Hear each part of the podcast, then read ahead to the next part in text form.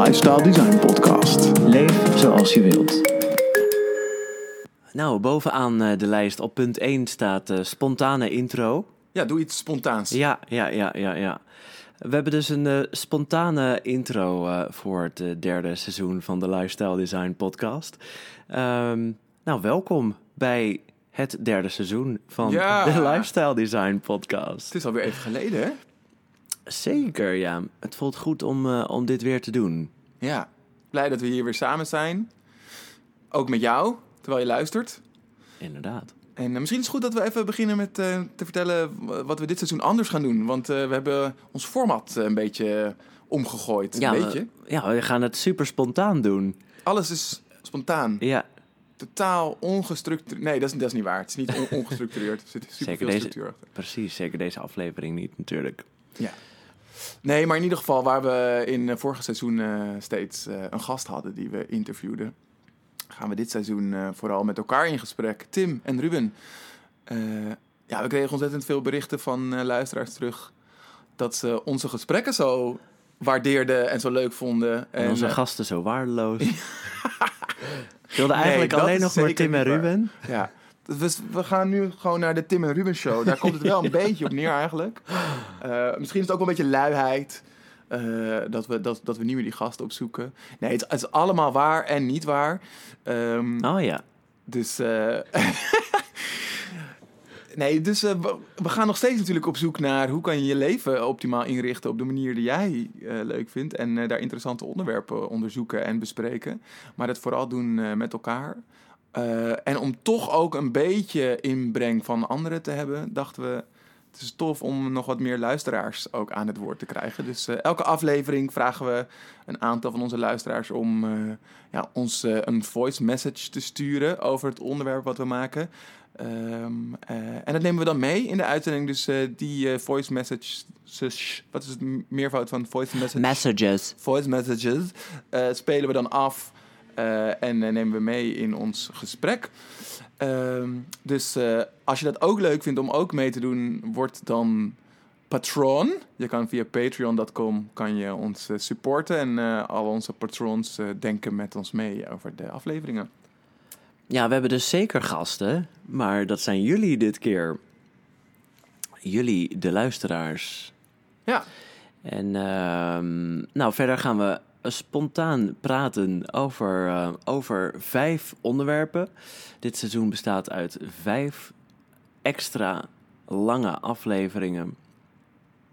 En eh, dit is nummer één, Ja. over structuur. ja dus we dachten, als we dan het over structuur gaan hebben, laten we dan lekker ongestructureerd beginnen. Waar ga je lekker op? Juist op die structuur of juist op de ongestructureerdheid? Eh, komt vandaag allemaal terug. Ehm, ja. Laten we lekker beginnen. Ja, ik ben ontzettend fan van structuur. Het zijpelt steeds verder door in mijn werk en in mijn privéleven. Eh, zelfs zover dat het steeds meer mensen begint op te vallen dat ik die structuur aanbreng en hanteer. Eh, zo staan al mijn geplande acties en activiteiten in mijn agenda. En delen mijn vriendin en ik eh, onze agenda's met elkaar. Dus we hebben ook inzicht in die acties en eh, activiteiten van elkaar. We hebben ook een familieagenda. Eh, ik plan afspraken op vaste momenten in de week. Dus het, het afspreken met mensen doe ik op vaste momenten in de week. Soms zelfs vaste momenten in de maand. Eh, ik heb een hele vaste ochtendroutine. Ik heb die ochtendroutine zelfs uitgebreid naar half tien. Waardoor ik ook wandelen en beweging, lezen en zelfontwikkeling eh, in mijn dagelijkse routines eh, heb teruggebracht. Of daar, daar terugkomt. En elke ochtend doe ik dan daarna van half tien tot half één eh, blokken voor deep work. Dus dan ben ik echt gefocust aan het werk. Eh, als iemand mij mailt of belt of appt, dan krijgt hij altijd een standaard reactie die vaak naar een later moment verwijst. Zodat ik eh, zelf mijn agenda en tijd kan indelen. En mijn tijd dus niet laat kapen door anderen als ik dat niet wil. Kortom, structuur werkt voor mij enorm. Maar geldt dat ook voor anderen? Ja, wat doet structuur voor het ontwerpen van je ideale leven? Hoe denk jij erover, Tim? Nou, ik, ben nog wel even onder de indruk van hoe, hoe nog meer gestructureerd eh, jouw agenda in elkaar zit. Met name het stukje dat je. Misschien is het leuk om dat nog even uit te leggen. Dat je. mm, met mensen ook op vaste momenten afspreekt. Dus je bedoelt ook met vrienden spreek je op vaste momenten af? Of... Ehm, ja, dat zat eigenlijk altijd al wel in. Ik bedoel dan, het is, het niet zeg maar een terugkerend eh, ritueel of zo. Dus niet, niet dat ik met mijn vrienden elke donderdagavond om 9 uur afspreek eh, in, in die zin. Maar wel dat ik vaste momenten daarvoor reserveer. Ehm, dus eh, ik ben wel vrij duidelijk over. Ik werk niet s'avonds. Dat, dat is voor mijn vrienden en familie. Ehm, Oh, Oké, dus ik, ik dacht even dat je bijvoorbeeld met Suzanne hebt afgesproken... dinsdagavond is mijn vriendenafspreekavond. Nee, nee dat, dat, dat heb ik niet. Oh, Het gaat meer over bijvoorbeeld in zakelijke setting. Ehm, ik doe alleen afspraken tussen, wat is het, eh, twee en vijf of drie en vijf. Oh ja, dus je vriendschapsleven is totale chaos. Er zit geen enkele structuur in. Ehm, nou ja, ik denk dus doordat ik zo gestructureerd werk, blijft er automatisch een tijd over waarbinnen het ongestructureerd kan zijn. Maar inderdaad, met mijn vrienden spreek ik dus eigenlijk alleen s'avonds af en in het weekend. Dat klopt wel, ja. Ja, precies, dat wel dan. Ja. Ja, ja, ja, ja, Ja. ja. Jij? Oké. Eh, qua dat vriendschapsleven... Ja. Nee, dat, i- dat is ook wel veel tussendoor en ook eh, zelfs nog wel op- spontaan ook soms. Dat iemand appt van, hey, heb je zin om een wandelingetje te maken bijvoorbeeld? En dan zit ik te werken en dan zeg ik, ja, leuk. Of nee, ik kan niet. Of eh, ja, nee, dus eh, ja, en, eh, maar er zit, er zit ook wel wat structuur in. In het weekend ben ik bijna altijd met Nino en daar haken dan ook wel vrienden op aan. Ehm, en ja, door de week overdag werk ik in principe ook. Ja, tenzij het dan goed uitkomt om dan met mensen af te spreken. Dus wat minder gestructureerd. ja. Dat wel, ja. En, en, en waar zien we wel structuur in jouw leven terug? Wat, wat, wat is het meest gestructureerd? Gestructureerd. Ja, te- terwijl ik deze vraag stel, denk ik... Ik heb net een blog van jou gelezen over, over dat je niet naar het meest of het grootste of ding, ding moet vragen. Ja. Terwijl ik de vraag stel, denk ik... Nee, dat mag niet. Ja, wat doe je nou? Wat, wat, wat doe ik nou? Ja. Wat is een situatie waarin jij... Gewoon wel gestructureerd bent. Ja, Nou, mijn, ik heb wel echt een ochtendroutine die ik heel fijn vind. Dus het, het eerste moment van de dag is erg gestructureerd. Dat, dat is fijn, ehm, vind ik. Ik sta altijd om acht uur op. Dat is eh, eh, voor mij de grootste verandering sinds de Lifestyle Design podcast seizoen 2. Dat ik nu tegenwoordig goed slaap. ja wat Ehm, fijn voor je, man. Ja, dankzij die structuur van elke dag om acht uur opstaan. No matter hoe laat ik naar bed ben gegaan. Want daarvoor sliep je niet regelmatig.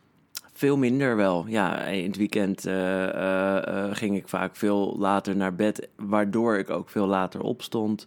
Ehm, eh, en ja, meer aan de hand van hoe moe ik was of waar ik zin in had.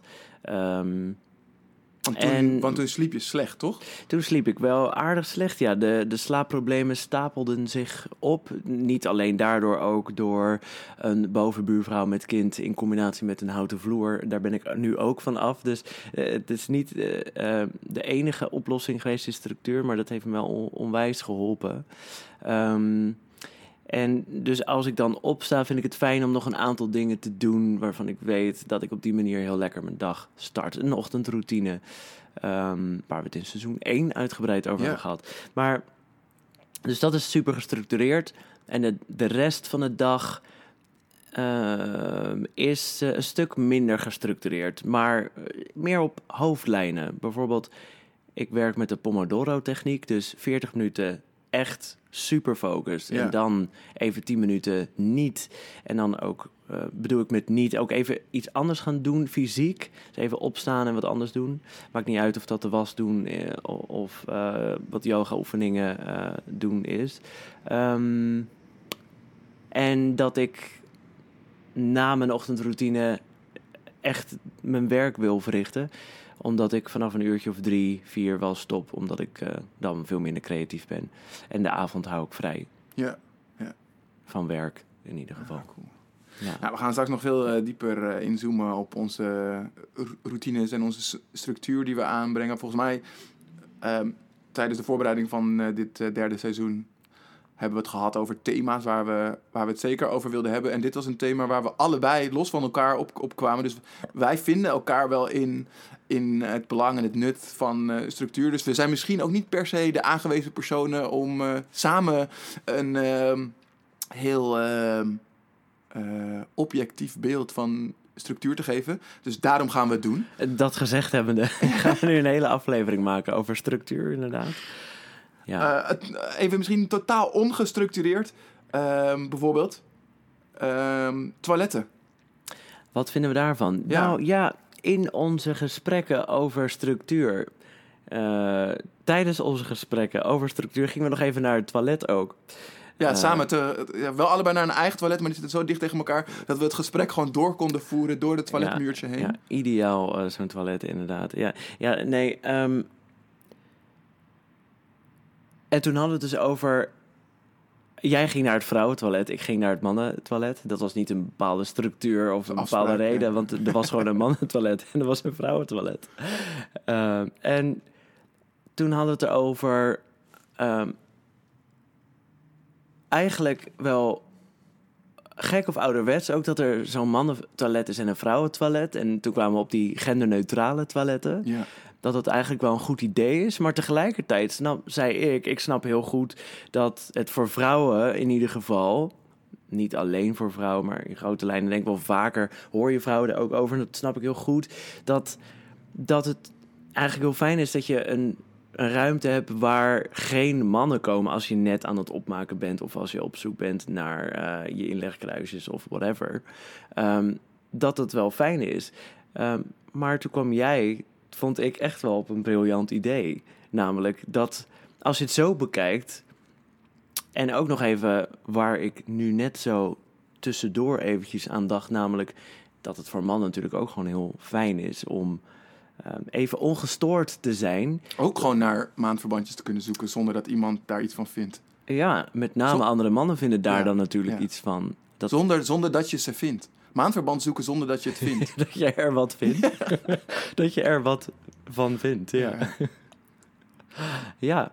Dat kan dan eh, ongestoord. Als je gewoon gaat, als je toebeweegt naar MeSpace toiletten. Ja, Dat iedereen gewoon zijn eigen ruimte even heeft ja. om je terug te trekken. Om even dat irritante gesprek op dat feestje te laten bezinken. En even eh, dat excuus dat je dan hebt gegeven. Precies. Om, Ja, want, want, want wat ik er zo interessant aan vond is dat... Ik weet niet of het dat nog steeds zo is, maar ik weet nog dat ik ooit een cursus sociale hygiëne deed.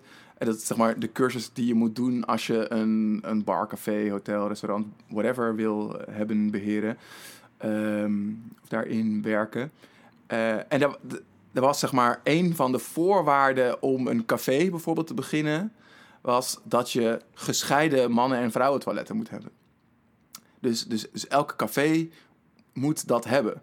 Ehm, en daarmee wordt er eigenlijk een, een vorm gecreëerd die wordt opgelegd naar, naar iedereen. Ja. En ik weet dus niet of dat nu nog steeds zo in de wet staat. Eh, maar hoe vet zou het zijn als inderdaad de MeSpace toilet in de wet zou komen. Dus dat je gewoon Ja. als openbare gelegenheid een plek moet creëren. met spiegel. Ja, waar, En een plankje om je tas op te zetten, precies, bijvoorbeeld. Waar mensen helemaal even zichzelf kunnen zijn. Ja, precies. En eh, dan, dan maakt het helemaal niet meer uit of het een man of een Nee. vrouwentoilet is. Want je hebt gewoon je eigen space. Ja. Daar, eh, daar gaat het om. Ja, dit is, dit is echt... Hier moeten we wel echt iets mee doen, vind Ja? ik. ik eh, want eh, een, een hele lange, uitgebreide, moeilijke discussie... waar allemaal mensen veel te moeilijk over doen... over die genderneutrale toiletten. We hadden het ook allemaal niet hoeven bespreken... als we gewoon Ja. de toiletten iets ruimer maken en een spiegel ophangen. Hoe moeilijk kan het zijn? Ja. En dan, dat is veel efficiënter nu natuurlijk ook. Want, want je ziet nu heel vaak hele lange rijen bij het vrouwentoilet. En een Ja. ongebruikt mannentoilet dat dan niet wordt gebruikt. Dat, is, dat, slaat nergens op. Het scheelt ook denk ik heel veel gedoe, want hoef je ook niet meer van die stomme plaatjes op de deur te plakken en dan over wel Ja. of niet een, een rokje aan. Ja. Zo super stereotyperend. Het enige wat je dan op hoeft te doen op, op de MeSpace toilet is een spiegeltje op de buitenkant. Dus als je dan naar de deur toe loopt, dan weet je dat het jouw ruimte is. Ja, Juist, inderdaad. Wat ik, wat ik ook altijd heel irritant in- vind, en dat, dat is het laatste, denk ik, wat we over Dan moeten we weer terug naar de structuur. hele eh eh, poel, plas en pies discussie eh, moeten zeggen. Ehm, plas en pies zijn trouwens dezelfde dingen. Dat vind ik altijd stom als mensen dan zo'n drieluik eh, opnoemen. Zo'n opsomming waarvan er eigenlijk twee hetzelfde zijn. wordt het en nu hoor ik mezelf hetzelfde doen. Te gezocht, ja. Ja, inderdaad. Omdat je Poepen, per se... plassen en make-uppen. Ja, het hoeven er ook niet altijd drie te zijn. Poep en kunt plassen. ook bij twee stoppen. Of, of gelijk afspraken maken dat het alleen plassen en make-up is. Gewoon poepen niet.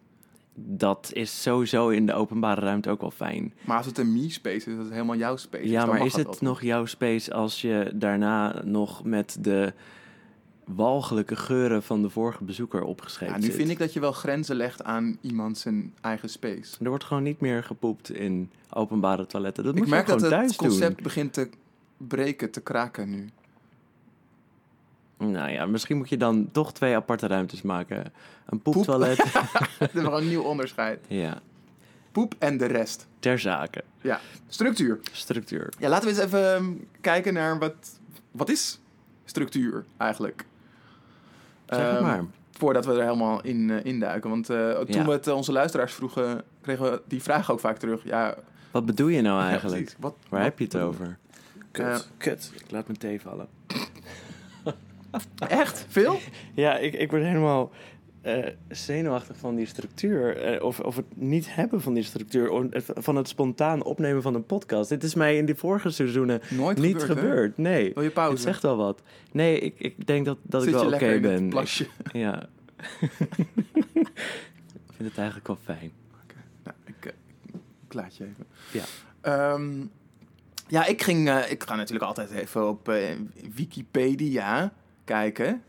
Wat, wat, wat überhaupt de definitie is. En dan weet ik niet of Wikipedia de allerbeste bron daarvoor is. Maar ik vond het wel interessant wat ze daar zeggen. Dat structuur de manier is waarop iets in elkaar zit. Waarop elementen van een verzameling samenhangen. Eh, en dat niet alle verzamelingen geheel of gedeeltelijk samenhangend hoeven te zijn. Maar in een structuur is er wel altijd een verband tussen alle elementen. En dat verband wordt bepaald door relaties tussen elementen onderling. Eh, en niet alle dingen hoeven daarbij met elk afzonderlijk element verbonden te zijn. Het kan wel, maar het hoeft niet. Verschaft het meer duidelijkheid? Of, eh, Ik, eh, ik, ik lees het ook nog eventjes. Niet alle verzamelingen hoeven geheel of gedeeltelijk samenhangend te zijn. Maar in een structuur is er een verband tussen alle elementen. Nou, ik denk dat het hier gaat over dat je structuur ook niet moet verwarren met, eh, met dat iets steeds hetzelfde is hmm, dat het een herhaling is Ja. die gelijk is. Want ik denk wel dat mensen die twee vaak door elkaar halen. Dat als dingen maar steeds anders zijn, dan hebben mensen het idee dat er geen structuur is. Terwijl als de structuur is dat je iets steeds verandert, dan is dat net zo goed ook Precies. een structuur. ja. Ja. Ja, Dus ik denk dat dat wel, eh, wel goed is dat dat erbij staat. ja. Wat een goede Ja. bron, Wikipedia. Ja, ja. Ken jij hem eigenlijk? Want Wikipedia. Hij schrijft best veel. Ja. Raakt ook niet uitgeschreven. Misschien kunnen we hem een keer uitnodigen. Is het eigenlijk een hem? Weet ik Hij weet niet. alles. Of Wiki- zij. Ja, wat seksistisch. Doe normaal. Net als Wiki de Viking. Is het nou een jongen of een meisje? Viking. Ja, dat is ook nog. Hè. Het is helemaal niet Wiki de Viking of Wiki de Wik... Viki. Wie is dat dan? Ken je die niet? Nee. Die altijd zo aan zijn neus kriebelde vlak voordat hij een idee kreeg. Is dit Nou. een kinderserie? Dit is een kinderserie. Oh ja, ik ben geen kind. Nou, eh, moet je maar eens kijken. Ja, Ehm, maar ik ben dus geen kind. jij bent geen kind, nee. Dus, maar dan mag je nog steeds wel een kinderserie kijken. Ja, dat is ook wel zo. Dat is ook wel zo. Ehm, ja, wat me opviel trouwens in onze voorbereiding over eh, st- structuur, dat, dat het vaak gaat over overzicht, productiviteit, planning, time management, soms wel minimalisme. Maar het is- vaak over dat soort efficiëntie en productiviteit. Ja. Ja, structuur brengt je productiviteit. Ja, Structuur heb je nodig, blijkbaar, om je tijd beter te managen. Om dingen voor elkaar te krijgen. ja. Het zorgt ook voor is. overzicht en rust. Als gevolg daar weer van. Ja. Ja, ja, ja precies. En dat, en, maar waarom voelen zoveel mensen zich dan toch ook beperkt door structuur. Kan e- echt soms mensen die bijna allergisch worden zodra ze een bepaalde structuur opgelegd krijgen of daarin zitten. Ja, ik denk dat er wel veel negatieve associaties rondom structuur bestaan. Ja. Die ik ook wel heb, trouwens.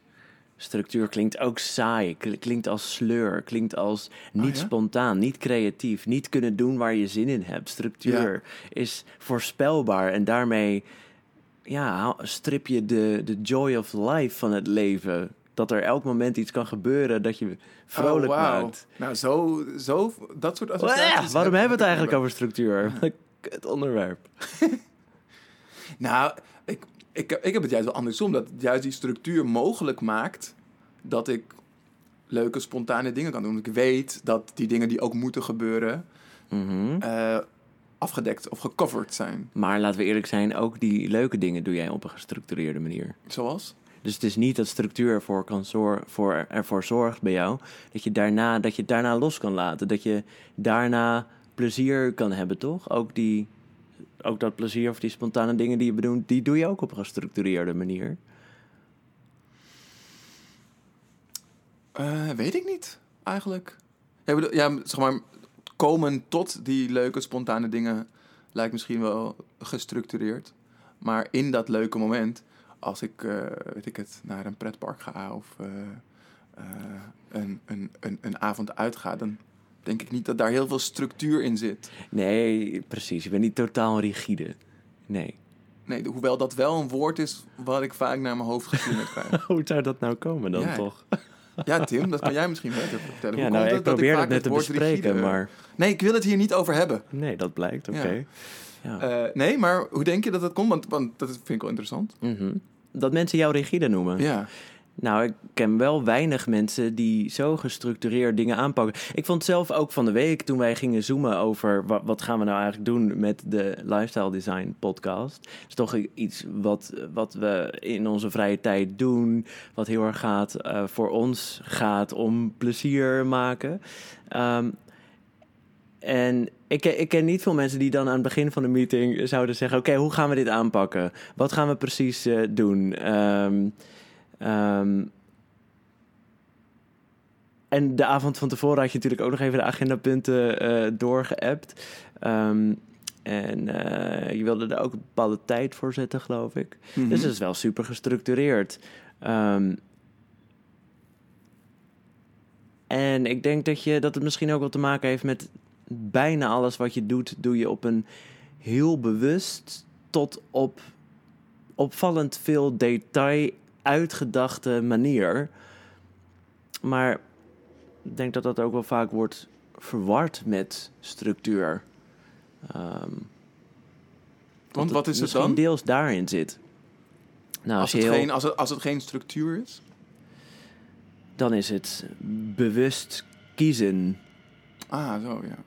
Dus niet per se gestructureerd iets aanpakken. Nee. Je kunt ook heel spontaan in het moment, totaal ongestructureerd, heel bewust op basis van je gevoel iets kiezen, toch? Ja. Maar dus het, ik snap dat, dat mensen het zeggen, maar voor een deel zit er misschien ook een verwarring in. Ja. Ja, ik snap ook heel goed dat mensen dat woord eraan geven. Hoor. Ik, behalve rigide hoor ik ook wel eens autistisch. Ja, Ehm, maar voor mij zit wel het verschil in, zowel in rigide als in autistisch, zit het ontbreken van de mogelijkheid om het anders te doen. En voor mijn gevoel is dat er niet. Hè? Dus die mogelijkheid is er wel om het, om het anders te doen. Dus Ja. ik neem graag de lead, ik neem wel graag de controle. Dus als wij eh, inderdaad een, eh, een voorbereidende call doen, vind ik het fijn om een soort van de tijd te kunnen structureren. Maar als jij dan bijvoorbeeld voorstelt van... joh, laten we gewoon beginnen met eh, lekker even bijkletsen... en dan zien we wel waar we komen... dan ben ik er ook oké mee. dan pak je ook gewoon je timer, maken we nieuwe agendapunten en komt het goed. ja, nou, misschien wel, ja, inderdaad. Nee. Ja. Nee, maar ik denk wel om er nog op terug te komen als het gaat over die structuur en wanneer voelt het juist fijn en wanneer voelt het niet fijn, heeft ook te maken met in hoeverre kies jij je eigen structuur. En, en ik heb mezelf eigen gemaakt dat ik daar heel erg inderdaad daar zelf keuzes in maak en, da- en dat inricht. Maar ik kan me heel goed voorstellen sterker nog, dat heb ik ook, wanneer iemand anders zijn structuur mij wordt opgelegd, ja, dan kan ik het ook benauwd krijgen. Dus dat, dat wetende kan ik me heel goed voorstellen als iemand zich steeds moet onderwerpen aan mijn structuur, Ja, dat dat heel benauwend kan, kan voelen als ik met, me, met, met mijn klok aankom en eh, we moeten afspraken Ja. maken voordat we kunnen beginnen. ja. Ja, precies. Het kan me voorstellen. Ik kan me vaak vinden in jouw structuur. Ook grotendeels omdat ik zelf ook erg gestructureerd dingen aanpak. Dus, maar ik kan me voorstellen, als ik dat niet zou zijn, dan eh, zou ik daar wat meer moeite mee hebben. Of als ik zelf wat minder doordrongen zou zijn van de waarde ervan, of dat label erop Ja. plak, dan zou ik dat misschien ook wat lastiger vinden. Ja, ja ik heb het, wat, waar ik het gewoon heel erg in, in merk is van... Ik, ik kan mijn tijd maar één keer besteden. Dus ik vind dat echt mijn allerbelangrijkste asset. Nou, eigenlijk aandacht. Dat vind ik Mhm. mijn allerbelangrijkste bezit. Ehm, dus ik vind het echt zonde als ik na een meeting denk van... eh, wat hebben we nou eigenlijk gedaan? Ja, Of ditgene wat we, waar we anderhalf uur over hebben gedaan, hadden we ook in drie kwartier ja, kunnen doen. En overigens vind ik helemaal niet erg als de overige drie kwartier van die anderhalf uur is besteed aan een super waardevol gesprek tussen ons. Waarin we gewoon even lekker de tijd namen om te horen hoe het met elkaar gaat. Top, weet je, dan Ja. ben ik ook helemaal happy. Ehm, maar toch vaak in de zakelijke wereld, ehm, dan, dan komt iemand met een intentie naar het gesprek toe. Hè, die, heeft een, die heeft een doel. En als dat dan achteraf niet is bereikt, omdat we beide eh, niet doelbewust daarmee bezig zijn geweest, dan, ehm, ja, dan, is dat, dan, dan, dan, dan ervaren mensen dat als zonde. Ja. Ja. Ja, dat snap ik heel goed. Ehm, ik probeer het ook wel zoveel mogelijk te voorkomen. En ik, ik hoor vaak van mensen dat ze de hele dag in meetings hebben gezeten. En dat het inderdaad een heel groot deel van de tijd Ja, voor hun helemaal niet relevant was. Ehm, ik ben blij dat ik dat niet heb. nee. En ik merk ook vaak met, met klanten, als zij eh, met klanten waar een beetje zo'n meetingcultuur eh, heerst, dat ze in het begin van de samenwerking je bij allerlei meetings eh, halen Ja, willen hebben, hè? Ja. willen hebben. Omdat ja, dat, dat, dat, dat doen we. En eh, die eh, meeting raakt wel aan wat jij doet. En dat zou misschien nog wel. En heel vaak, dat als ik een aantal vragen stel. Vaak ook wel een beetje gestuurde vragen, omdat, ik, omdat mijn doel is om niet bij die meeting te zijn. De- maar dat, dat die klant zich dan wel echt realiseert dat het helemaal niet nodig is dat ik erbij ben. Dat het op een andere manier veel sneller en makkelijker kunnen oplossen. Eh, waardoor er best wel heel veel meetings zijn die dan voor mij niet doorgaan. En, dus, en dat dat ook geen probleem oplevert. Waarvan ik weet dat ze voor heel veel andere mensen wel doorgaan. Terwijl dat eigenlijk dus ook niet zou hoeven. ja. Ja, Oh, wat goed. veel tijd wordt daaraan eh gespendeerd. Veel tijd gaat daar verloren, denk ik. Ehm, ja. Nog even over die verwarring trouwens. Ja? Wat ik ook tegenkwam. An apple a day keeps the doctor away. En daarover eh, zei iemand... Mensen denken dan... Ah, ik moet meer appels eten. En in het kader van structuur vond ik dat heel interessant. Want die persoon zei... Nee, waar het om gaat... is dat je de structuur voor jezelf inbouwt... om elke dag een appel te eten. Daar gaat het om. Dat is het gezonde van die Ja, appel niet, elke dag. En niet op maandag zeven, Zeven, appels. appels. Ja, precies. Ja. Dat is vaak de verwarring eh, ook die. die ja, en ik denk dat het mensen daar ook, als het gaat over het wel of niet volhouden van structuur, dat mensen ook gauw de mist ingaan. Dus als ze dan een dag een appel missen, dat ze dan denken van, oh, dan moet ik de volgende dag twee appels eten. Ja, Terwijl dat hoeft dus helemaal niet. Kan gewoon accepteren, oké, ik heb gisteren even geen appel gehad, maar als ik nu gewoon weer elke dag een appel eet, dan ben ik weer die gezonde leefstijl aan het Ja. hanteren. precies. Ja. Je kunt niet dat extreme batching waar jij het wel over had. Je kunt niet nu een gigantische bak pindakaas eten, zodat je de rest van het jaar geen pindakaas meer Ja. hoeft te eten. Dat werkt hierbij niet. Nee. Nee, dit, dit moeten we een andere keer nog uitleggen. hoor, Want nu, nu doe jij net Alsof voorkomen alsof dat... ik hele bakken pindakaas opeet. Oh. Oh, dat is niet zo.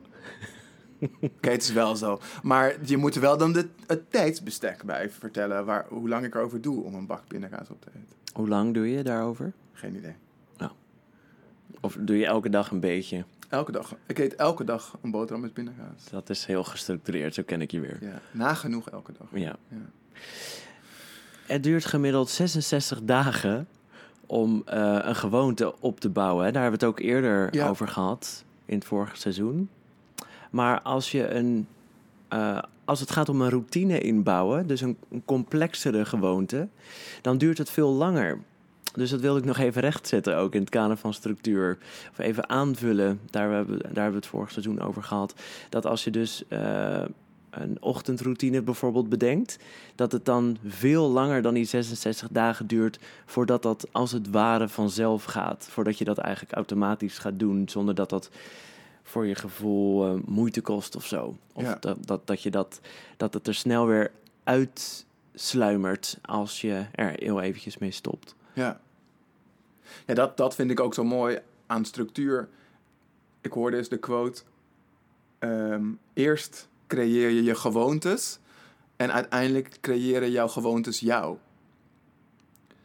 In het kader van als jij dus weet wat voor leven je wilt leiden, dan, weet je, dan kan je onderzoeken van wat voor gewoontes horen daarbij. Dus ik, ik heb heel erg ooit de keus gemaakt van in mijn leven, ik wil, een, ik wil een gezond leven leiden. Dus dat betekent dat ik elke dag beweeg.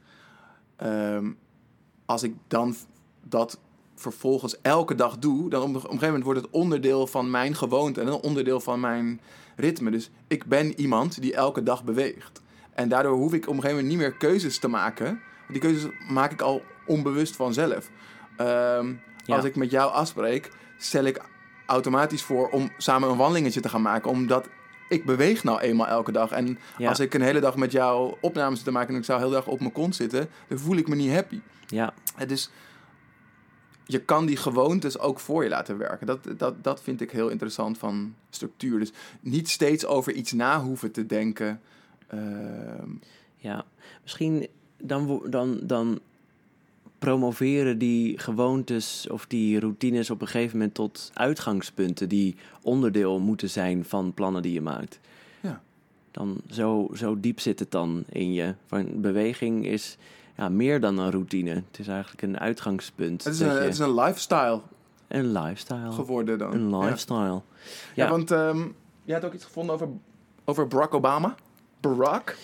Ja, Barack die eh, droeg tijdens zijn presidentschap bijna altijd hetzelfde pak. Beetje Omdat- Steve, eh, Steve Jobsy. Ja, eh, ja, hij deed dat ook, precies. En ik heb er ook over nagedacht om dat te doen. Omdat het, ik vind dat iets heel aantrekkelijks hebben. Dat Ja? Je, oh, dat, ja. is het jou opgevallen? Even Ja. over aantrekkelijkheid ge- ge- gesproken. Dat, dat ik ook praktisch altijd dezelfde kleding aan heb. Zwart, Zwart. bijna altijd. Ja, ik heb, ik heb ook mijn eh, wardrobe teruggebracht tot gewoon Ja? Zwarte broeken en zwarte truien. Oh, echt? Ja, ik heb ja, en een paar shirtjes. Ja. Dus, eh, Maar alles zwart, dat is het uitgangspunt daarover ja, ik heb ook nog wel een paar shirts eh, en andere kleuren broeken.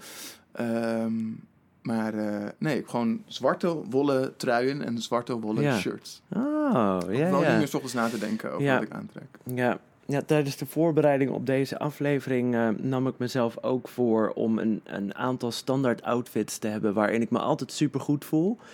En Ah. eh, die ik dan uit de kast trek op dagen dat ik geen zin heb om of na te denken over een andere outfit, of geen zin heb om op wat voor manier dan ook ehm, bijzondere aandacht te besteden aan eh, mijn outfit. Soms heb je gewoon van die dagen dat je echt zin hebt om Ja? Een gevoel heel erg te uiten en dat in je kleding te stoppen. Dat heb ik in ieder geval. Er zijn ook veel dagen dat je gewoon.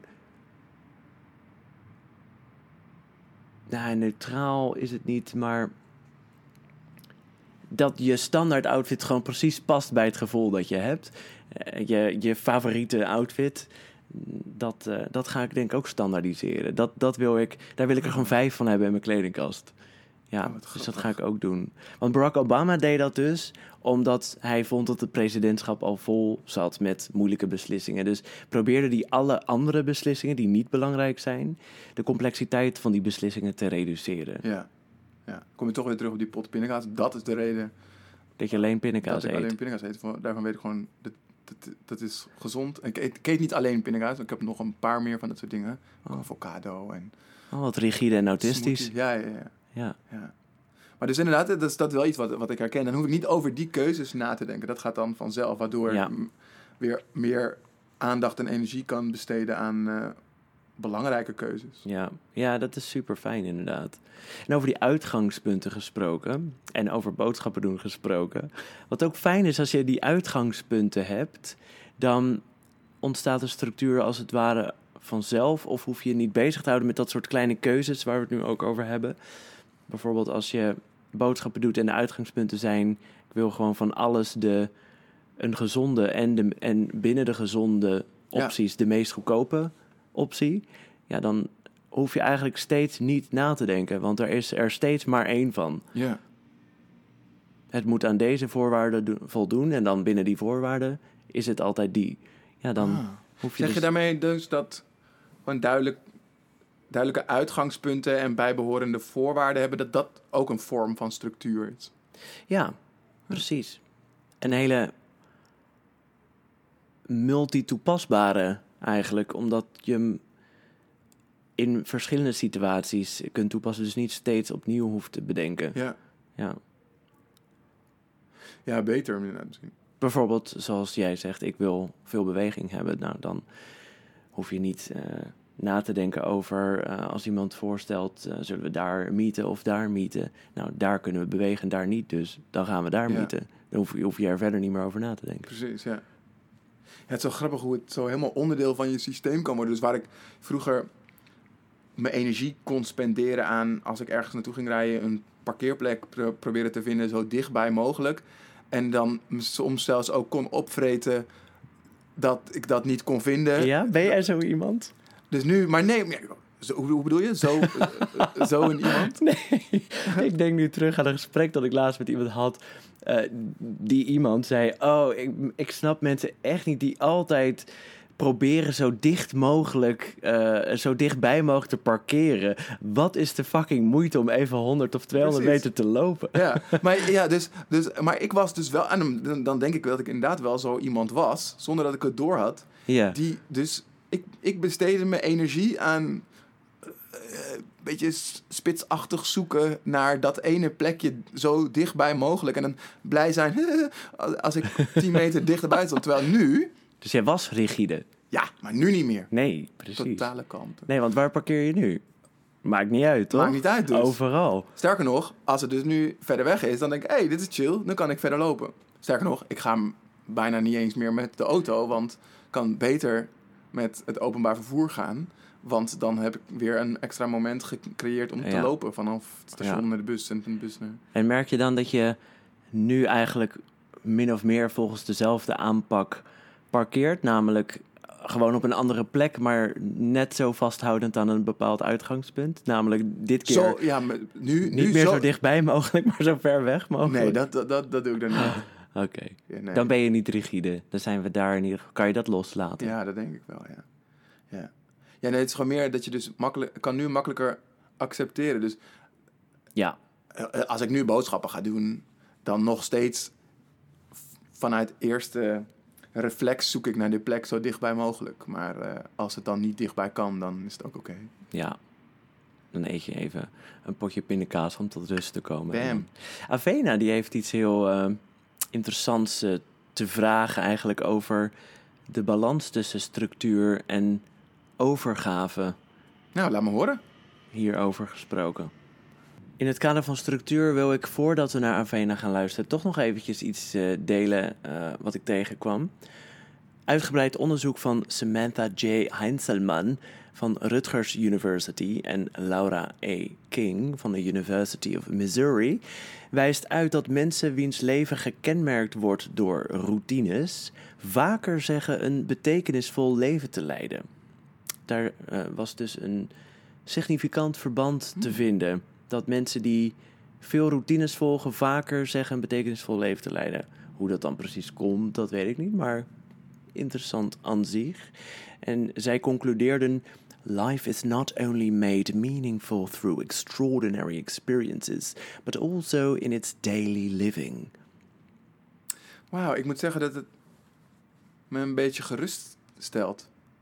Waarom? Nou, ik, ik denk soms wel eens van. Ik heb niet zulke extraordinary life moments of zo. eh. ik ben niet een wereldreiziger of zo. Dat, je, dat, soort, dat soort life experiences heb ik niet, niet zoveel. Dus dan, soms dan kan je wel denken, inderdaad, eh, wat je in het begin ook zei van. eh, leid ik dan een saai leven? Eh, Zei ik dat in het begin? Ja, dat zei je. Over jou. Nee, maar in, het- in het algemeen. Maar ja, als het op mij van toepassing is, dan zeg je het eigenlijk dus over mij. Oh, Ruben. Ja. dat bedoel ik Nee, maar, dat, zo. maar, dat, maar daar trek ik me niks aan uit. Het gaat meer over dat ik dat, dat ik dat zelf soms ook denk. Ik Van, leid ik dan een saai leven Ja. of zo? Maar dus, eh, dus, eh, dit, eh, dit stelt me gerust. In de zin van dat het voor mij ook een bevestiging is. Want het voel, ik, ik, het, ik voel in de kern niet dat ik een saai leven leid. Nee. Ik voel dat ik een betekenisvol leven leid. Dus dat, dat het terugkomt in zo'n onderzoek. Maar heb jij dan dus toch die kernovertuiging rondom structuur, dat structuur saai is? Heb jij ook die associatie erbij, zeg maar?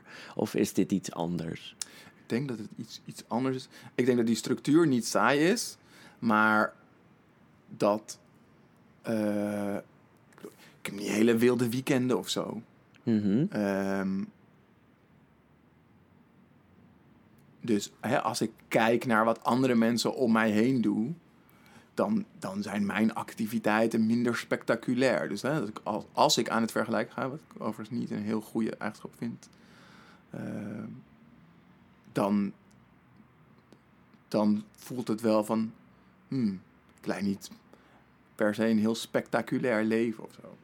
Maar dankzij je routines leid je een spectaculair, meaningful life. Ja, precies. Ik vind wel dat ik een betekenisvol leven leid. Dus ik Ja. voeg veel waarde toe aan de mensen om me heen, aan de mensen die, die ik lief heb, aan mijn klanten en ook aan mezelf. Want ik vind dat leuk. Eh, dus ik stel mezelf optimaal in staat om zoveel mogelijk van datgene te kunnen doen wat Ja. ik leuk vind. Die Ja. groepsinteractie eh, faciliteren en interessante gesprekken hebben. En dus dat wij nu een podcast hier opnemen, wat uiteindelijk in een format is beland, waarin we gewoon een gewoon, is niet gewoon trouwens, waar we, waarin we een interessant gesprek voeren. Dat geeft mij heel veel betekenis, ja. Ja, en dat is niet hetzelfde als dat we samen naar een festival gaan en eh kaart trippen eh, en dansen. Maar Dat vind je niet betekenisvol. Nee, nee, nee, ik bedoel het. juist dat dat, Ik dat, dat het, ook ja. betekenisvol is. Maar, Ja. maar ik haal mijn betekenis dus uit, uit dit gesprek. Maar ik bedoel, ehm, ja, dat is van een andere intensiteit dan naar een festival gaan, eh, Ja. bijvoorbeeld. Ja, ja, ja, dat snap ik heel goed. Je streeft ook een betekenisvol leven na. Ja. En spectaculair is leuk, maar niet betekenisvol per se. Kan heel betekenisvol zijn. Maar voor jou is het niet per se van, van betekenis. Nee, ik zal toch ook, zelfs als ik naar een festival ga, op zoek gaan naar die interacties. Mhm. Want die vind je spectaculair ook misschien, Ja, toch? ja. Het is ook net wat je spectaculair vindt. Ja, dus ik, weet je, kan ook. Ik vind dansen trouwens misschien nog wel.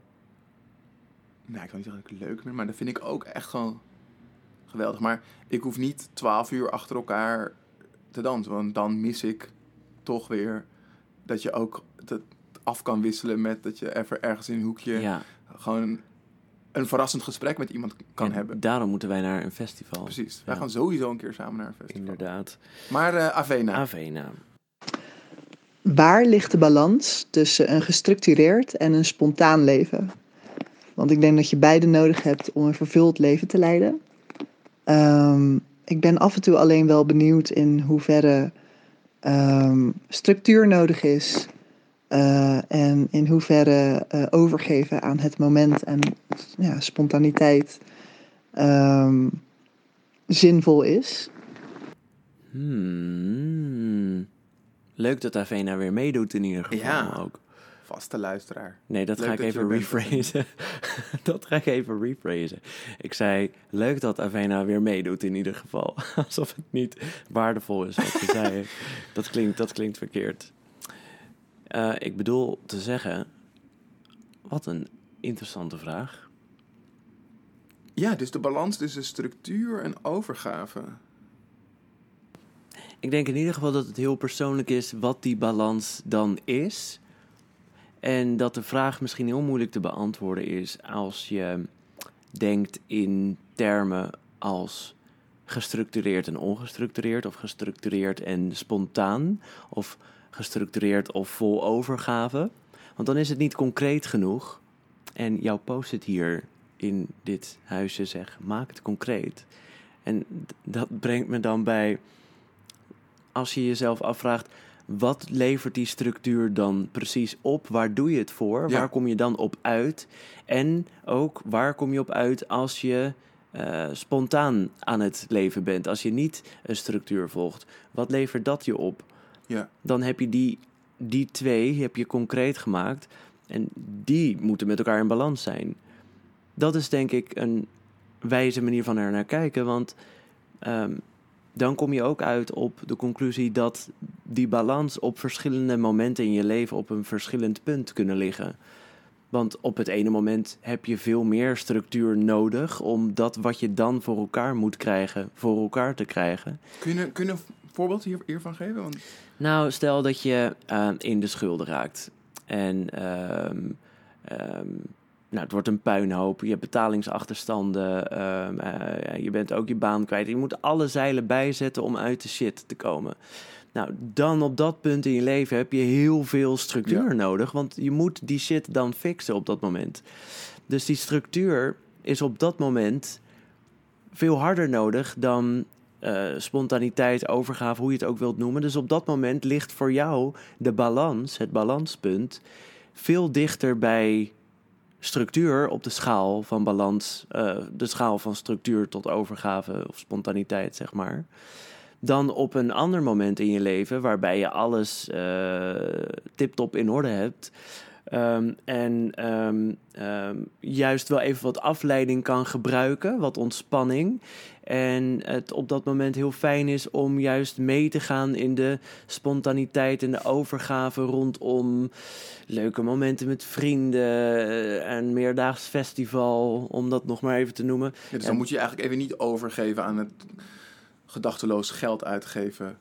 Als je in, in die situatie zit van dat je heel veel schulden hebt, dan, dan zeg je, dan zou... Dus dan liggen die balanspunten gewoon anders. Ja, Dus, hoe, dus haar vraag, hoe, hoe vind je balans tussen die twee, is misschien door te bedenken, wat leveren die twee op dit moment in mijn leven op? ja. En waar heb ik op dit moment behoefte aan? En aan de hand daarvan kun je dat balanspunt tussen die twee juist definiëren. Ja, mooie. Ja, ik denk dat dat sowieso een belangrijke is. Is dat je... Hè, never start without a clear purpose. Begin niet zonder een duidelijk doel Ja, in je hoofd. Dus als jij goed voor jezelf weet waar je naartoe wilt... Hè, daar hebben we het in het eerste en in het tweede seizoen ook over gehad... ehm, dan wordt het ook makkelijker om die vervolgstappen vorm te geven. En dan wordt een structuur ook minder rigide. rigide... omdat je weet van dat je het ergens voor doet... en dat je naar zo'n doel toe werkt. Ja, Ja, want precies, dan, dan, hou je je ja, dan hou je je structuur min of meer spontaan. Want je stemt hem op het moment af. Je bouwt een belangrijke check in. Ja. Geeft de structuur op dit moment wat ik wil bereiken? Of Ja. is spontaniteit of overgave nu veel nuttiger? Ja. Ja, Of moet ik een andere structuur eh, bedenken om voor elkaar te krijgen wat ik nu voor elkaar wil krijgen? ja. Ja, en wat ik nog interessante vind, is als als het gaat over balans, denken we vaak ook in tegengestelde. Hè, dus het, eventjes, als je een mentaal plaatje maakt van bij balans, zien mensen vaak een wip. En dat betekent dus eigenlijk altijd dat als die wip de ene kant naar beneden beweegt, dan is de andere kant omhoog. En andersom. En dan is balans is dan ons ideaalplaatje dat die wip precies in het midden balanceert. Wat sowieso al een hele precaire balans is, want er hoeft maar een grammetje aan de ene kant bij te komen en dan beweegt die weer die kant op. Ehm, maar die twee hoeven niet altijd tegenover elkaar te staan. Dus je kan ook jezelf een andere vraag stellen. In plaats van hoe kan ik de balans houden tussen structuur en overgave, dan kan je, zou je ook de en-en vraag in plaats van de of-of vraag kunnen stellen. Dus hoe kan ik zowel structuur als overgave een plek geven in mijn leven. En dan zet je ze misschien wel allebei aan dezelfde kant van de wip neer. Precies. En die wip heeft nog een probleem, namelijk waar we het ook net over hadden. Als het een wip is, dan slaat die door, precies wat jij zegt, zodra er een grammetje meer links of rechts Ja. van die wip ligt. Terwijl als je in de schulden ligt, dan kan je maar beter wat grammetjes extra aan die structuurkant van de wip leggen. Want dat is op dat moment even nodig Ja. om eruit te komen. Ja. Dus dan voelt dat uit balans, omdat je in die wip denkt. Precies. Nou, mooie vraag, eh, Avena, dankjewel. Hopelijk heb je wat aan onze ideeën daarover. Ja. En eh, anders krijgen we wel weer nieuwe vraag terug. Anders, jammer dan. Meerte. ja, Meert had ook een vraag. Die ook gaat... Pak hem even erbij. Die ook gaat over een tegenstelling. Ehm, namelijk... Hoi, ik heb een vraag voor jullie. In mijn dagelijks leven en werk heb ik structuur nodig. Wil ik goed presteren en me goed en fit voelen. Maar mijn creativiteit daarentegen vraagt juist om totaal geen structuur. Wil ik in de flow komen. Ik ben het meest creatief vanaf de late avond tot later in de nacht. Alleen kom ik vaak niet in die flow, omdat ik tegelijkertijd ook op tijd naar bed wil. Want anders gaat dat weer ten koste van de structuur van de volgende dag. Ja, het voelt daardoor alsof mijn creativiteit het vaak moet ontgelden ten opzichte van mijn structuur. Herkennen jullie dat? En hoe combineren jullie structuur en creativiteit met elkaar als we totaal andere ritmes hebben? Sowieso al supermooi dat Meerte aan het eind dus haar eigen vraag rephrased, hervormt naar de NN-vraag. Hoe combineren jullie structuur en creativiteit? Ja. Interessant dilemma ook. Ja. ja, je hoort wel vaak natuurlijk dat vooral creativiteit aan het andere uiterste van het spectrum zit van productiviteit. Ja. Dat dat twee verschillende dingen zijn en dat ze ook niet samen gaan. Eh, dus in het kader van en-en. Ja, terwijl je wat creativiteit betreft denk ik wel een onderscheid kunt maken. Dat als je bezig bent met iets bedenken, dan is het juist vaak waardevol om structuur los te laten. Terwijl als je na dat bedenken gaat maken, dat wat je hebt bedacht gaat maken, dan is het juist heel zinvol om veel structuur in te bouwen. Ja. Dus ja, vraag je dan ook nog even af, met welk stukje van creativiteit ben ik nu bezig? Precies. Ja, en, en wat ik hier ook interessanter vind in deze vraag, van eigenlijk constateer je Meerte dat je mm, s'avonds en in de nacht creatiever bent dan overdag. Maar je zou je ook af kunnen vragen, ligt dat aan het moment? Hè, dus aan dat het avond of nacht is? Of ligt dat aan dat je op dat moment klaar bent met de dag en met je gestructureerde leven. Hè? En dat er dan pas een opening komt, dat je een opening voor jezelf hebt gecreëerd om je gedachten de vrije gang te laten gaan en dus andere dingen te doen. En als dat het laatste geval, als dat het laatste het geval is, dan zou je dat ook overdag of eerder op je dag kunnen inplannen. Dus als je zorgt dat je eerder met je werk klaar bent en jezelf de ruimte biedt om te kunnen mijmeren of een wandeling te kunnen gaan maken, dan zou die creativiteit ook dan kunnen komen. En als je het dan over die voorwaarden hebt, want wat jij zegt is, je schept de voorwaarden die er s'nachts wel Ja. is, maar overdag niet. Namelijk de voorwaarden van ehm, tijd hebben of klaar zijn met taken. Ja. Dan kun je ook de andere voorwaarden of de andere kenmerken die er s'nachts wel zijn en overdag niet, kun je ook proberen in te bouwen. Doe bijvoorbeeld de gordijnen dicht als je het zo fijn vindt dat het s'nachts donker is. Zorg dat het extra stil is als je het zo fijn vindt dat het s'nachts zo stil is. Zet je telefoon uit als je het zo fijn vindt dat s'nachts niemand je belt. Uh, bedenk je, wat maakt dan dat die nacht zo fijn is voor jouw creativiteit? En probeer dat na te bootsen, ook in andere opzichten nog. Ja, ja. En misschien is het ook gewoon een kwestie van accepteren dat wat je Mhm. niet kunt veranderen. Heel cliché, maar misschien geldt dat hier wel. En verander wat je niet kunt accepteren als jij echt dus wel per se in die nacht wilt kunnen creëren. Ja, dan zou je toch echt iets moeten doen aan Ja. dat die structuur in de ochtend in de weg zit.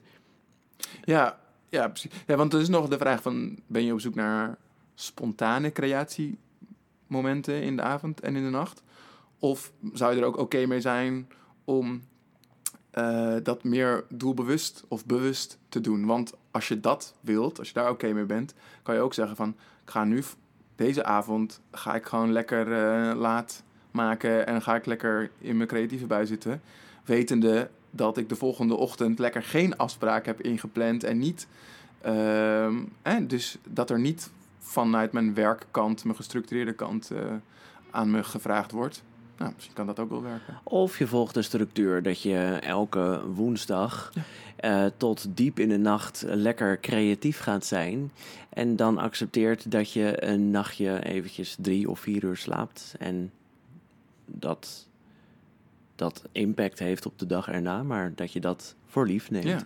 Ja, ook als je het, zeg maar, het, eh, als je in het kader van het universum voor je wilt laten werken, kan je ook ervoor kiezen die, die klant waar je eigenlijk misschien stiekem onbewust al een beetje afscheid van wil nemen, dat je die altijd inplant op de ochtend na die nacht doorhalen. Dus als je al weet dat je minder, minder goed werk gaat leveren, dan versnel je toch ook automatisch dat proces. En dat je dan ook het evaluatiemoment met die klant op die ochtend plant. Sorry hoor, ik ben echt helemaal kapot. Eh, wat zei je? Ja. Ik zit, ik zit er echt even helemaal niet bij. Ik heb de hele nacht leuke dingen gedaan. en nu dit. Maar jij gaat er vanuit dat het klant is.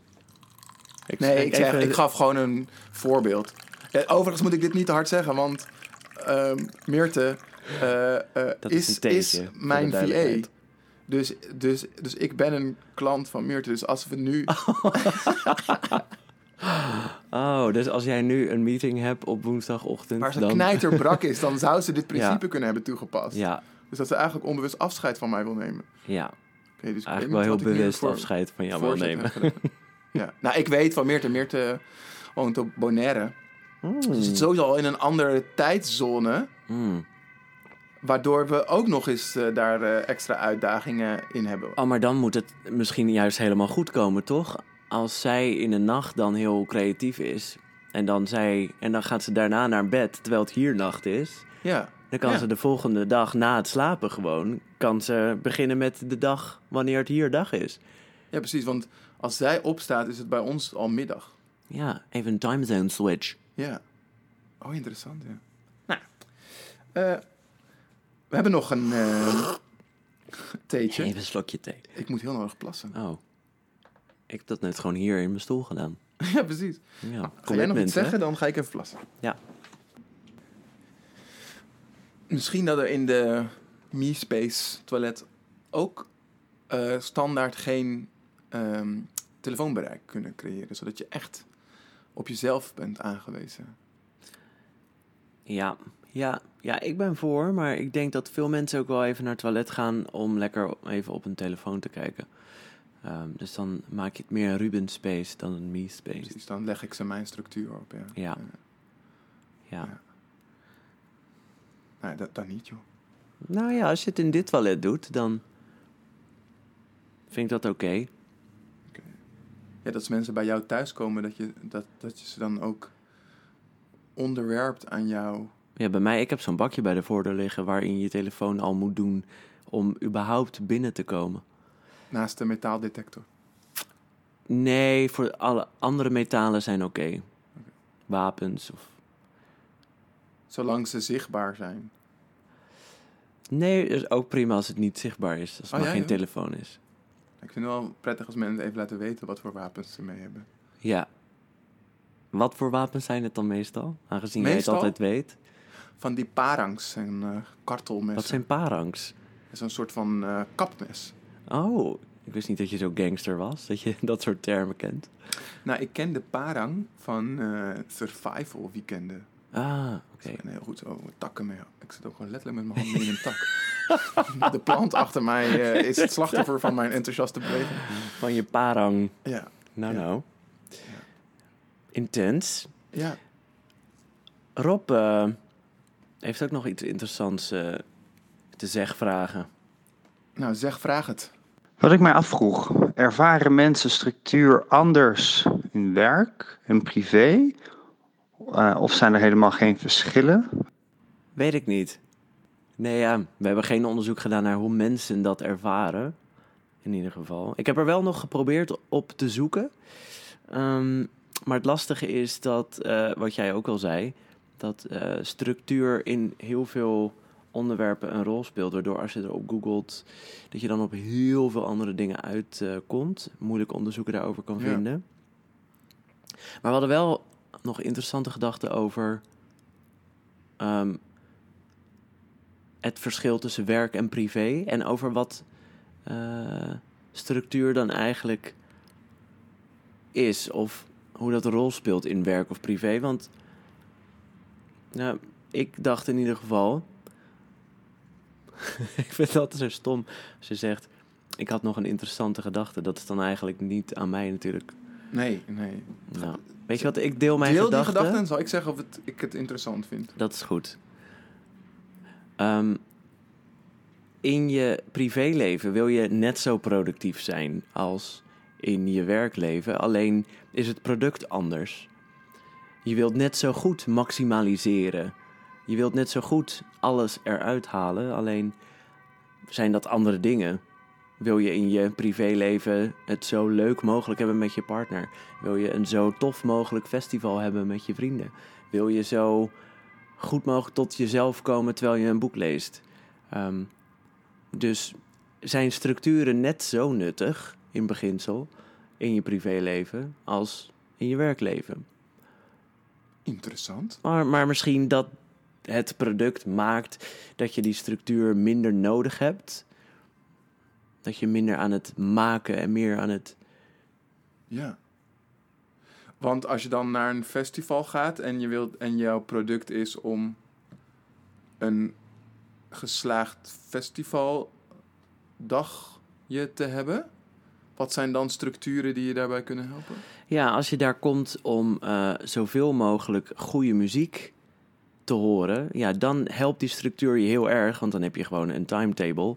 En dan kan je van het begin tot het eind voor jezelf Ja. heel gestructureerd opschrijven bij welke tent je op welk tijdstip moet zijn. Ja, die festivalgangers heb ik wel eens gezien. Ja. Maar zo beleef jij geen festival. Ik kom daar om eh, totaal ongestructureerd in anarchie in het moment op te gaan. Nou ja, ik maak er een grapje van. Maar ik, ik, ja, ik kom op een festival om daar eh, lekker te spelen met wat er op het moment op me afkomt. En ja, meer vanuit een soort escapisme. Dus dan eh, heb ik niet zoveel met structuur. Nee. De enige structuur die ik heb, ik wil gewoon zo snel mogelijk die fucking muntjes hebben, zodat ik niet in die rij hoef te staan en gewoon kan beginnen met mijn festival. Dat is ook, dat is ook een structuur, toch? En maar daarna, Oké, maar dan zeggen we dus eigenlijk wel dat er een verschil is tussen hoe je omgaat met structuur in je werk of in je privé. Ehm, ja, als het om zo'n festival gaat, inderdaad, ja, zeker. Maar als het product is, ik wil eh, eh, zoveel mogelijk waardevolle vriendschappen onderhouden, dan helpen, je, helpen structuren je enorm om, Ja. om dat voor elkaar te krijgen, toch? Ja. Of als je genoeg tot jezelf wil komen tussen alle afspraken door, dan helpt die structuur je ook. Ja, inderdaad. Ik zou denken of ik nog iets kan zeggen over eh het Zeg nog eens onderscheid iets. tussen werk en privé. Eh, ik, ik merk dat ik het een moeilijke vraag vind, omdat ik ook steeds meer merk dat onderscheid überhaupt steeds vager wordt tussen werk en privé. Hm. Dat dat voor mensen steeds meer door elkaar heen gaat lopen. Ja. Ehm, dus ik denk zelfs dat of je nou dat onderscheid wilt maken of het juist niet wilt hebben, juist door elkaar wilt lopen, dat je daar structuur voor nodig hebt. Dus ehm, vroeger was de structuur dat je om vijf uur van kantoor wegging. Eh, dan zat je niet meer achter je werktelefoon en dan kreeg je geen belletjes meer. Dus begon je privéleven en s ochtends stapte je weer in de auto en dan ging je weer naar kantoor. Nu heb je een andere structuur nodig om met die werk-privé mix om te gaan. Eh, dus of je zet je werktelefoon uit je bent onbe- on- onbereikbaar en jij bepaalt dus zelf wanneer collega's of klanten of opdrachtgevers jou contacten. Of je gaat mee in die st- structuur dat ze jou kunnen bereiken omdat je op elk moment bereikbaar wilt zijn. En je daarmee dus ook aanpassingen moet maken in de structuur van je privéleven. Dat betekent dat de mensen om jou heen soms even op pauze moeten, omdat jij iets voor je werk gaat doen. Ja, Ja, dus nou, in ieder geval, als het daar gaat over st- structuur, waar, waar, waar ik me altijd aan vasthoud is, er is altijd een structuur. ja, En de vraag is, heb jij die structuur gekozen? En als jij hem niet hebt gekozen, of bewust hebt ingezet, dan ben je onderdeel van een andere structuur die misschien door iemand anders is ge- gekozen. Dat kan een persoon zijn, maar het kan ook een systeem zijn. Ehm, hè, dus als jij niet hebt gekozen voor de structuur eh, van als ik thuis ben, ben ik thuis en neem ik mijn werktelefoon niet op, zit je dus in de structuur van je werk, waar het misschien oké is om elkaar op elk moment te bellen. Als jij niet hebt gekozen om je mail op vaste momenten te lezen en je dus s'avonds om negen uur voor het slapen gaan nog even je mail checkt en dan gaat antwoorden, zit je in de structuur van dat mensen verwachten dat ze op elk moment een mail naar jou kunnen sturen en dat je er snel op moet reageren. Dus daar zou ik wel naar kijken van van welke structuur ben ik nu onderdeel? dat vind ik wel een mooie manier van er naar kijken. Ja, ik, ik denk namelijk ook dat het door de associaties die mensen hebben bij structuur, denk ik dat veel mensen geneigd zijn om te denken dat er binnen het omveld van werk veel meer structuur is dan in de privésfeer, terwijl het niet, niet per se zo is. Want ook op zaterdagochtend een keizerbroodje eten is een bepaalde structuur.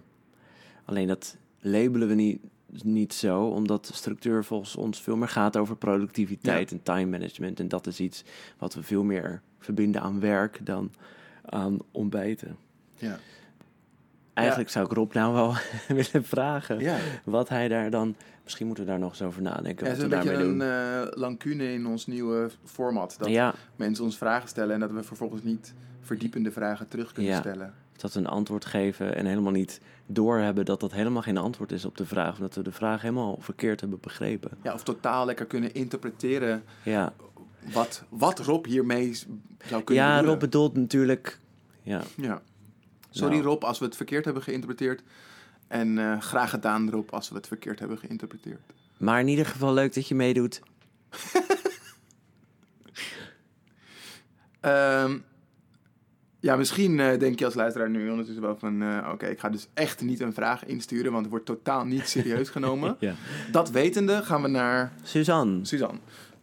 Hey Tim en Ruben. Ik heb een vraag over structuur. Hoe komt het dat je in tijden van drukte heel goed vaart op structuur en in de periode waarin je het rustig hebt, eigenlijk eerder last hebt van structuur? Dat het je in de weg zit en dat je door structuur eigenlijk, ja, veel, dat er dan veel minder uit je handen komt. Nou, ik ben heel benieuwd hoe jullie hier naar kijken. dit haalt al wel wat druk van de ketel. Dat ze erbij zegt, ik ben benieuwd hoe jullie er naar kijken.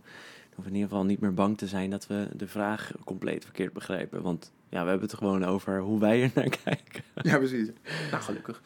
Ehm, dus hoe zien wij ehm, dat verschil tussen hoe structuur in drukke tijden voor je kan werken en in rustige tijden tegen je kan werken? Ja, herken jij het?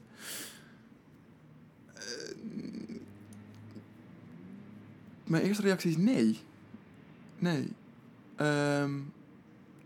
Dus, ik merk, dit vind ik een moeilijk moment. In de zin van, nu zou ik dus eigenlijk willen doorvragen van...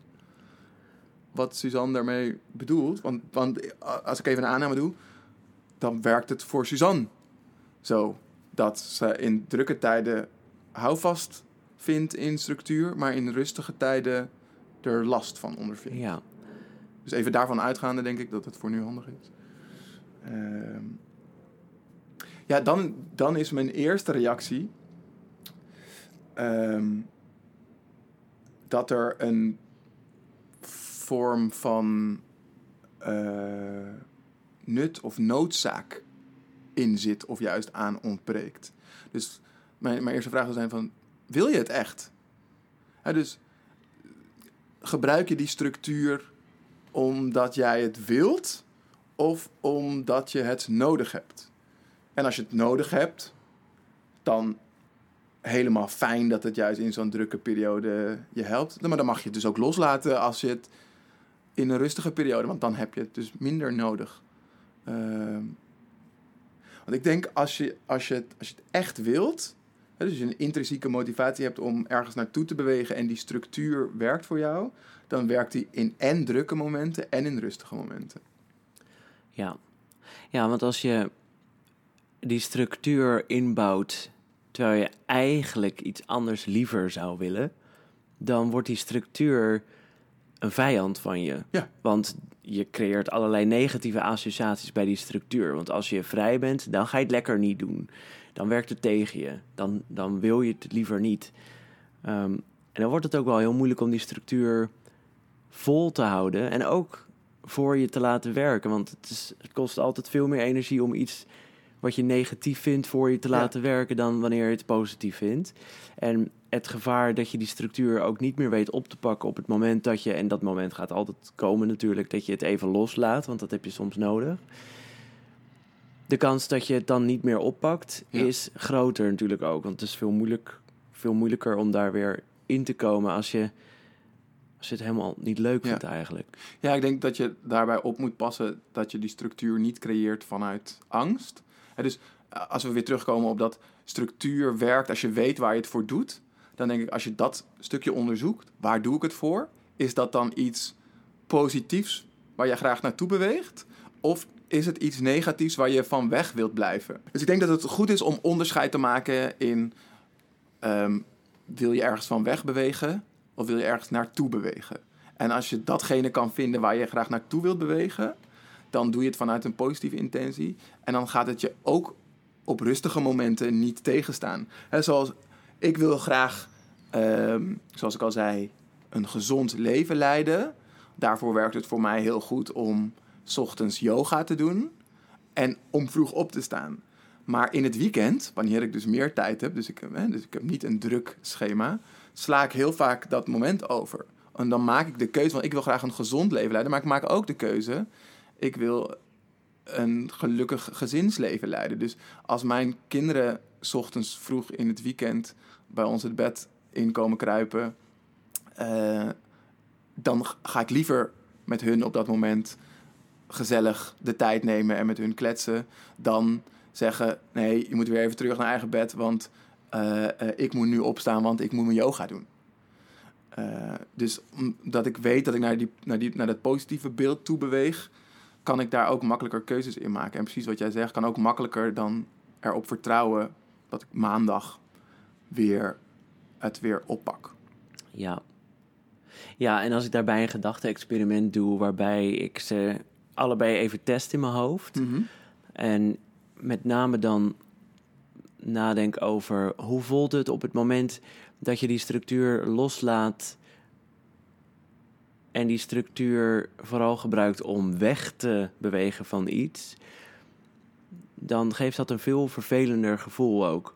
Want als ik het heb over mijn structuur van 8 uur 's ochtends opstaan, dat eh, helpt me heel erg.